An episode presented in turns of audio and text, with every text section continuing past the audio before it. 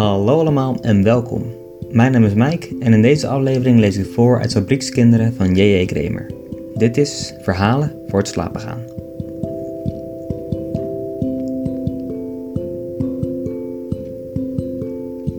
Jacobus Jan Kramer werd in 1827 geboren en was een Nederlandse voordrachtskunstenaar, kunstschilder en schrijver. Hij groeide op als tweede van vijf kinderen in een groot huis in Arnhem en in zijn jonge jaren op school bleek al snel dat hij meer aandacht had voor kunst en toneel dan de lessen die hij kreeg op de kostschool. Zelfs de huisleraar die zijn ouders hadden ingehuurd kon daar geen verschil in brengen. Uiteindelijk besloten zijn ouders dan toch om hem de kunstopleiding te laten volgen, waar hij werd opgeleid tot kunstschilder. Kramer bleek echter een lastig kereltje, want al snel bleek dat zijn ambities eerder lagen bij de literatuur dan bij het schilderen. Zo zei hij zelf in een brief dat inkt beter vloeit dan verf. Al voor zijn huwelijk schreef hij romans en novelles, maar daarnaast was hij ook niet vies van poëzie en toneel. Kenmerkend voor zijn werk is het hoge gehalte aan engagement of engagement. Dit houdt eigenlijk in dat hij in zijn schrijven heel erg betrokken was bij de maatschappij en dat hij in zijn werk maatschappelijke problemen aankaartte om zo verandering teweeg te brengen. Eigenlijk net een beetje als Multatuli, die in de vorige aflevering aan bod is gekomen. J.J. Kramer is het meest bekend door het werk dat hij in 1863 door heel Nederland heen heeft voorgedragen, als protest tegen kinderarbeid en dat uiteindelijk is uitgegeven als novelle, Fabriekskinderen. Hierin schrijft hij over Leidse fabriekskinderen die in de textielindustrie 10 tot 15 uur per dag moesten werken. In het kader van engagement en de gelijkenis met Multatuli eindigde hij fabriekskinderen dan ook op dezelfde manier als Multatuli in de Max Havelaar, met een oproep aan koning Willem III. Ik ga nu nog niet zeggen wat daarin staat, want dat zouden spoilers zijn. J.J. Kramer was dus tegen kinderarbeid en wilde dit het liefst laten afschaffen. Dit ging moeizaam. Elf jaar later, in 1874, kwam er pas een wet, het kinderwetje van Van Houten, waarbij het verboden werd om kinderen onder de 12 jaar in fabrieken te laten werken. Oudere kinderen konden dus nog wel steeds uitgebuit worden en dus was Kramers missie nog niet geslaagd. Tot zijn spijt werd de wet slecht gehandhaafd en pas 20 jaar na de dood van Kramer werd kinderarbeid voorgoed verbannen door de invoering van de leerplichtwet in 1900. Nog even voordat ik het verhaal induik, een korte mededeling. Fabriekskinderen is geen roman, maar ook geen kort verhaal. Het is een novelle en dus eigenlijk net iets te lang voor één aflevering. Daarom deel ik het verhaal op in twee delen. Oké, dan ga ik nu beginnen aan het verhaal. Dit is Fabriekskinderen van J.J. Kramer.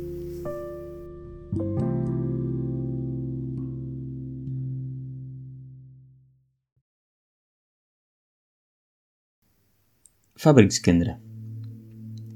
Het is winter. Een koude decembernacht houdt met kille vingers oud-Hollands grijze academievesten den blinddoek voor de ogen. Slechts een waardig trawant van de reuzengeest deze eeuw voert strijd met de nacht en drukt er gedurig den blinddoek weer los. Zie maar de gasvlammen werpen van afstand tot afstand een vluchtig licht in de holle straten en ginds langs de sombere grachten. Waartoe die kamp, waarvoor dat licht? Immers de stad ging ter ruste en slaapt. Geloof het niet, want telkens moet ze wakker en ziende zijn. Wakker en ziende om er te waken voor het onheil dat naderen kon. En de oude stad, zij slaapt dan ook niet. Slechts bij wijle bevangt haar een lichte slijmering, en het schijnt u toe als droomde zij van haar aloude roem, even als de tedere lood van een grijze vorst der Alpen, die zoetjes dommelt aan hare boezem en murmelt en fluistert van de grootheid zijner afkomst.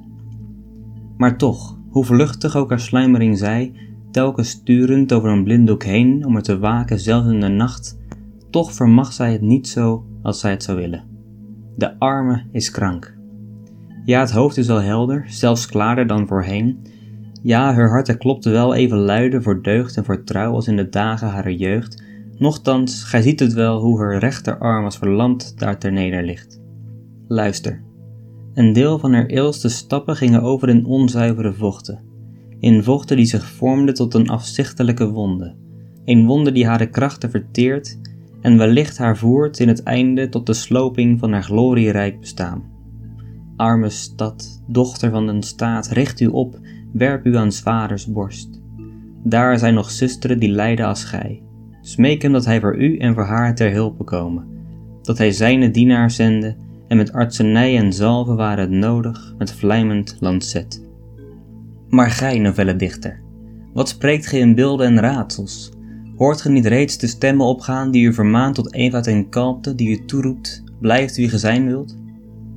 En ja, hij gevoelt wel de juistheid dier woorden, maar ach, koortsachtig jaagde hem het bloed door de aders. Want ziet ge, men heeft hem die wonde getoond. Van hem heeft men een woord begeerd aan een vader der leidende stad, een smeekwoord om hulpen, om spoedige redding. Was het wonder dat hij moeite had al aanstonds den juiste toon te treffen, beseffend het hoge gewicht zijner roeping. Nochtans van nu aan zal hij trachten eenvoudig te zijn, ontzettend eenvoudig. Het is winter. Koud was decembers nacht en ijzig koud is nog zijn vroege morgen. Zes slagen bromt de klok uit Leidens hoogste toren. Door de Breestraat en de Hoge Woord leidt onze weg naar een der achterbuurten der stad. Bij het licht ener gaslantaarn zien wij op weinige schreden afstand een armelijke woning. Haar bouw herinnert aan Leidens glorievolle eeuw, aan de eeuw toen zijn zonen en dochters kloek waren en sterk, en streden voor recht en voor vrijheid. Niets is er aan die gevel veranderd. Alleen zoudt ge bij dag kunnen zien hoe de kleine in lood gevatte ruiten van voorheen naar den ijs der tijden door een wat groter soort zijn vervangen. Eertijds kon Gods lieve zon slechts luttel in die woning schijnen, maar nu, helaas, gij ziet het niet hoe die grotere ruiten voor het meeste deel met een vettig stof zijn overdekt, hoe er vele onachtzaam gebroken slechts ruw met ondoorschijnend papier werden beplakt, hoe er thans in die armoedige woning overdag nog minder licht straalt dan weleer. En, dat is bedroevend, erg bedroevend. Maar stil, ik moet eenvoudig zijn. Welnu, volg mij in de kleine woning. In de kamer die wij al aanstonds door de voordeur betreden, zou een volslagen duisternis heersen, indien niet de gaslantaarn daarbuiten door het straks genoemde venster enig schijnsel naar binnen wierp. Het zwaar geronk van een man benevens de geregelde of snellere ademhaling van enige slapende kinderen treft onze oren. Juist op dit ogenblik bericht de grote torenklok het zesde uur na middernacht. In de bedstee waaruit het naar geronk blijft klinken, verneemt ge tegelijk met een eerste klokslag daarbuiten enige beweging. Het is een vrouw die zich haastig opricht. Met een nijdig Snork toch zo niet, geeft zij de man aan haar zijde een stomp op de schouder en leent, terwijl het nare geluid een wijle verstomt, nauwlettend het oor aan den doffe klokslag uit de verte.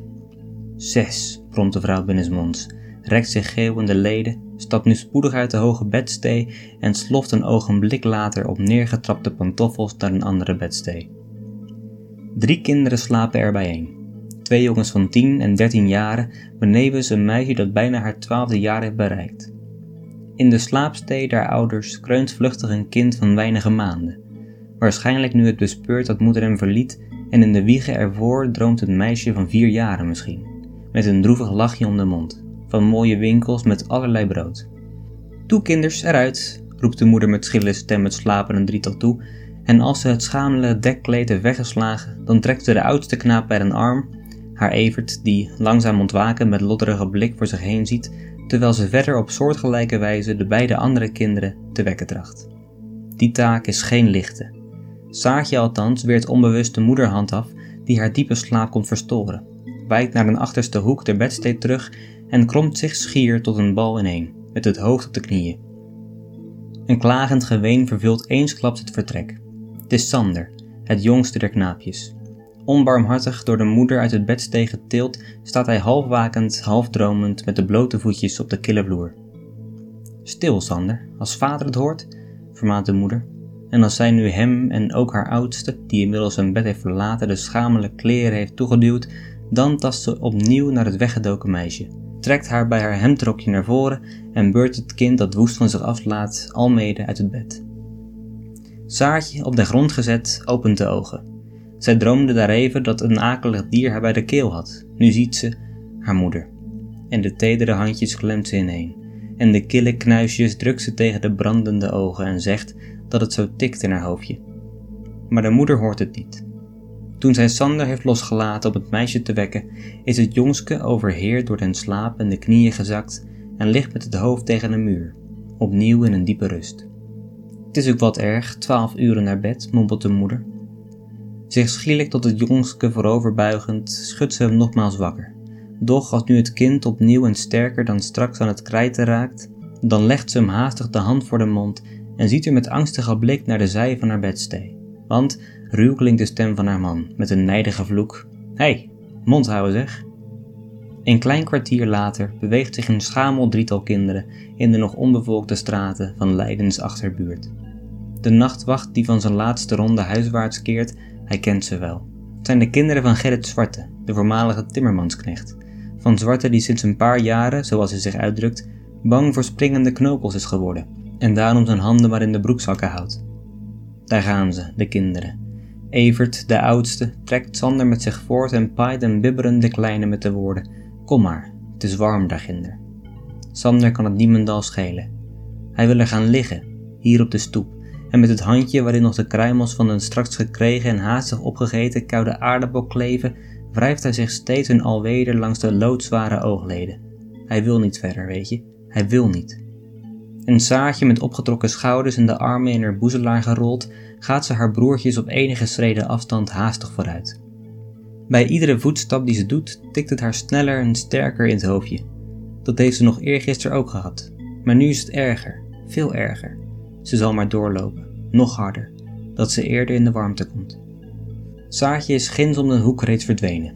Evert kan met Sander, die hij stevig vasthoudt, niet zo haastig voortgaan. Eensklaps ontsnapt er een nare kreet aan zijn mond. Met pijnlijk gebaar trekt hij ijlings de hand terug waarmee hij Sander heeft voortgetrokken. Het arme slaapdronken kind had hem kwaadaardig gebeten. Gebeten in de hand die tot lopen hem dwong, terwijl hij slapen wilde. Niets anders dan slapen. Lelijke rakkert, schreeuwt Evert en... Doch nee, we vervolgen hier niet. Arme, zwakke, onwetende schapen, we zouden u beschuldigen, wij terwijl we slechts deerders met u hebben en slechts medelijden voor u vragen. Ha, of we niets meer voor u wilden. En waarheen zal het nu? Zie, een stenen vinger, hoog zich verheffend boven de daken. Hij wenkt uit de verte. En daar, gij betreedt er een der vele werkplaatsen van de grootste werkman, kloekste zoon van de geest die we noemden. Wondere spruit van genie en verstand, bedeeld met ontzettende kracht en rusteloze ijver, geboren der mensen ten welvaart en zegen. Stil, wie fluistert daar zacht? En vaak ook ten moordenaar? Zie, in de voorhoven van deze zijn werkplaats, daar stoken de dienaars een vuur van bedwelmende hitte. Uit vluchtige sluimer ontwakend rekt hij en spant hij zijn leden en spieren. Krachtig heft hij zijn ijzeren arm omhoog en wanneer hij ze heft, dan grijpen zijn vingers in stang en in drijfwiel. Dan stampen zijn voeten op kammen en staven, dan wielen en keren ontelbare raders. Dan snort het en gonst het en bonst het en trilt er zijn stem als met donderende klank. Voort, raderen, voort. Schept haastig de mens uit ruwe wol en kostelijke draad en koesterend dekleed. En snort en het dreunt en bonst er nog sterker en altijd die stem voort, raderen, voort. Ik weet niet waar Saartje is gebleven. In groot doch somber gebouw is ze binnengegaan. Een steile trap heeft ze beklommen en hijgend naar den adem is ze verdwenen in een der zalen van de uitgestrekte stoomwolspinnerij. Evert, die zijn broertje in de eenzame straat heeft achtergelaten, moet haar al spoedig gevolgd zijn. Ook hem ontdekt ge niet meer. Zijt gij een vreemdeling in dit verblijf, dan ziet ge in den aanvang slechts weinig. Wel flonkeren er in afwachting van de naderende morgen een menigte gasvlammen, doch het licht wordt gedurig onderschept en gebroken door een aantal gevaarten die zich onbewust hun gestadige arbeid verrichten. Zijt voorzichtig dat uw kleed niet gevat wordt door een der vele machineraderen die u bij de nauwe doortocht van weerszijden bedreigen, en let op de grond dat uw voet niet haakt in de brede pees die ginder die grote schijf in beweging brengt. Die schijf, het is het hoofdrad der trommel van de schrobbelmolen der machine die de vastgepakte wol in losse en platte vlokken tevoorschijn brengt. En ernaast, dat andere werktuig, dat is de kaartmachine die immer de vlokkige wol blijft ontvangen. Ze kaart en verdeelt in een ijzeren binnenst en vallen laat in donzige plokken. En die plokken of rolletjes wol, zo lang als een arm, zo dun als een pink en zo licht als een veder, waar of ze blijven? Zie vele losse raderen wentelen heen en weer en voeren ze toe aan een grofmolen daar zij lassen ze snel aan de plokken of draden die haast zijn versponnen, snel, ongelooflijk snel, 700 malen in één uur, 9000 malen op de lange dag. Doch die losse raderen hier, zie, ze zijn van een ander fatsoen dan de grotere daar, die er wielen en snorren om hun assen. Niet waar, zou het zweren dat het mensen waren, heel kleine mensen, die staan op hun voeten als wij, met armen en handen, zeer zwakke handjes, met aangezichten als die van ons, maar flets van kleur en slap van vormen. Aangezichten waarin oogjes blinken als een laatste vonkende bleke ashoop. Gij zou zweren dat het mensen waren. Akelig kleine en arme oude mannen en vrouwtjes die gaarne hijgend zouden neerzitten bij een warme haard en de dorre handen uitstrekken naar een versterkende bete. Niet waar, gij zou zweren dat het natuurgenoten waren. Arme ontzenuwde wezens van gelijke aanleg, met dezelfde behoeften als gij, maar gij bedriegt u. Zie slechts hoe ze wielen en keren. 9000 malen op de lange dag voortgejaagd, door de werkman die groot als een oorsprong, doch gesart als een duivel, steeds woedender brult, voort raderen voort. Doch gij vertrouwt ons niet. Hoe langer gij duurt op die kleine raders, want gij gevoelt wel dat het raderen zijn, toch ziet ge klaar, onbedrieglijk zeker, dat zij geschapen tot redelijke wezens nog met het kleed der mensen zijn bedekt. Immers in het midden van die bontvalerij, het helderst door een der gasvlammen verlicht, daar ziet ge het kind van Gerrit Zwarte. Het arme kind dat de koorts heeft, dat zich reppen moet ongelooflijk snel en gestadig. Gij herkent het arme meisje wel, al schrikt ge terug nu ge haar droevig figuurtje in het volle licht te beter kunt zien. Een hoofd. Een gans hoofd is zij kleiner dan uw dochtertje, dat in dit uur gezond, ja met de rozen op de wangen, op het zachte kussen te dromen ligt en zo oud is als zij. Gij schrikt terug bij het beschouwen van dat foos en flets gezichtje, met die wijde mond en die onnatuurlijk glinsterende oogjes. Gij wendt een blik van haar af en uw oog blijft gevestigd op het jongste aan haar zijde. Gij wendt een blik van haar af en uw oog blijft gevestigd op het jongste aan haar zijde. Tien jaren oud. Gelijkt hij een kind van zeven lentes. Wat zeg ik, een kind van zeven barre winters te zijn. Telkens en telkens werpt hij een lodderige blik op de grosspinner die aan gene zijde van de molen zijn werken bespiedt en angstig rept hij gestadig de handjes, want ziet ge, al twee malen heeft hij van hem een duchtige tik met de rolstok gehad, hier op de schouder, erg vals, erg vals en gemeen.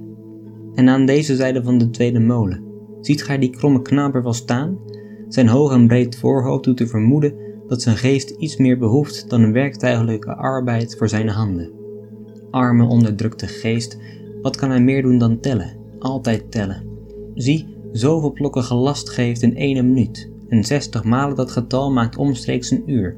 En als hij diezelfde som straks driemaal verkrijgt, dan is de schoft of lawaai-tijd nabij. Dan mag er het kind, doch nee, zijn rust te nemen, dat mag hij dan niet. Dat uur is voor zijn kwelgeest, een spinner. Immers, de grote machine, zij weet van geen rusten. Immers, de plokken die zij aanhoudend laat vallen, of schoon ze niet aanstonds verwerkt zullen worden, ze moeten geraapt en op hopen gelegd.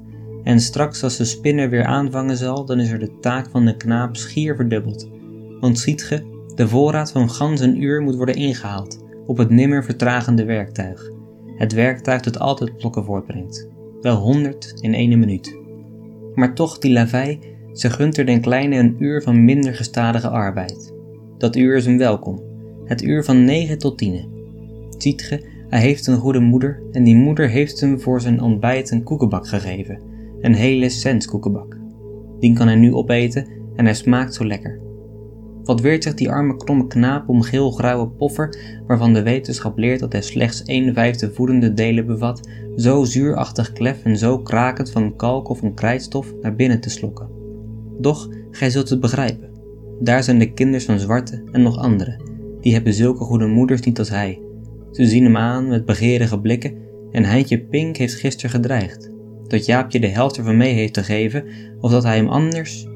Maar Heintje ziet een andere kant uit en het arme Jaapje grijnst van genot nu hij het ziekelijk mengsel naar binnen heeft. Te tellen, dat heeft hij geleerd, te delen nog niet.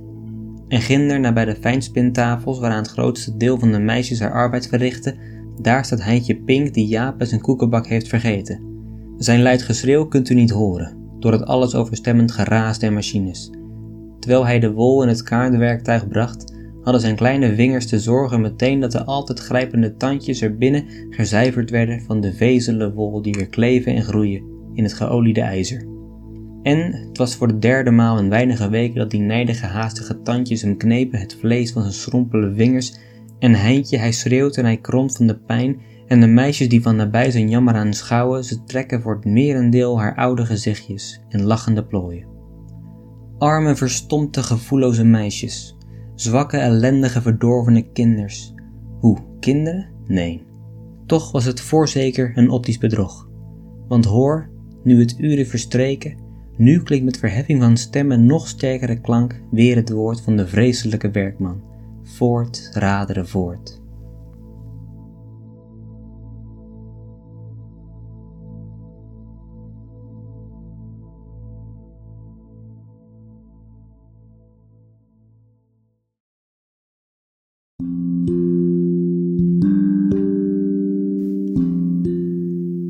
Zo, dat was deel 1 van Fabriekskinderen. We zitten niet precies op de helft, eigenlijk iets ervoor, maar ik vond dit wel een mooie plek om te stoppen, want hierna gaan we over op een andere omgeving. Het is bij deze novelle interessant om in je achterhoofd te houden dat het dus uh, oorspronkelijk als voordracht was en dus later is uitgegeven als novelle. Kramer is dus met dit verhaal door het land gegaan en heeft het overal voorgedragen. Je ziet ook in sommige stukken dat hij de lezer aanspreekt met ge. En hij neemt ook in het verhaal de lezer als het ware mee op een reis door Leiden. Hij zegt constant van ge ziet dat dit gebeurt en hij neemt ze mee een huis in, alsof hij ze soort van op een tour neemt door Leiden en de families waarin de kinderen moeten werken. En dit heeft als gevolg dat de lezer zich heel erg aangesproken voelt en ook als het ware anders gaat nadenken over, uh, over het onderwerp.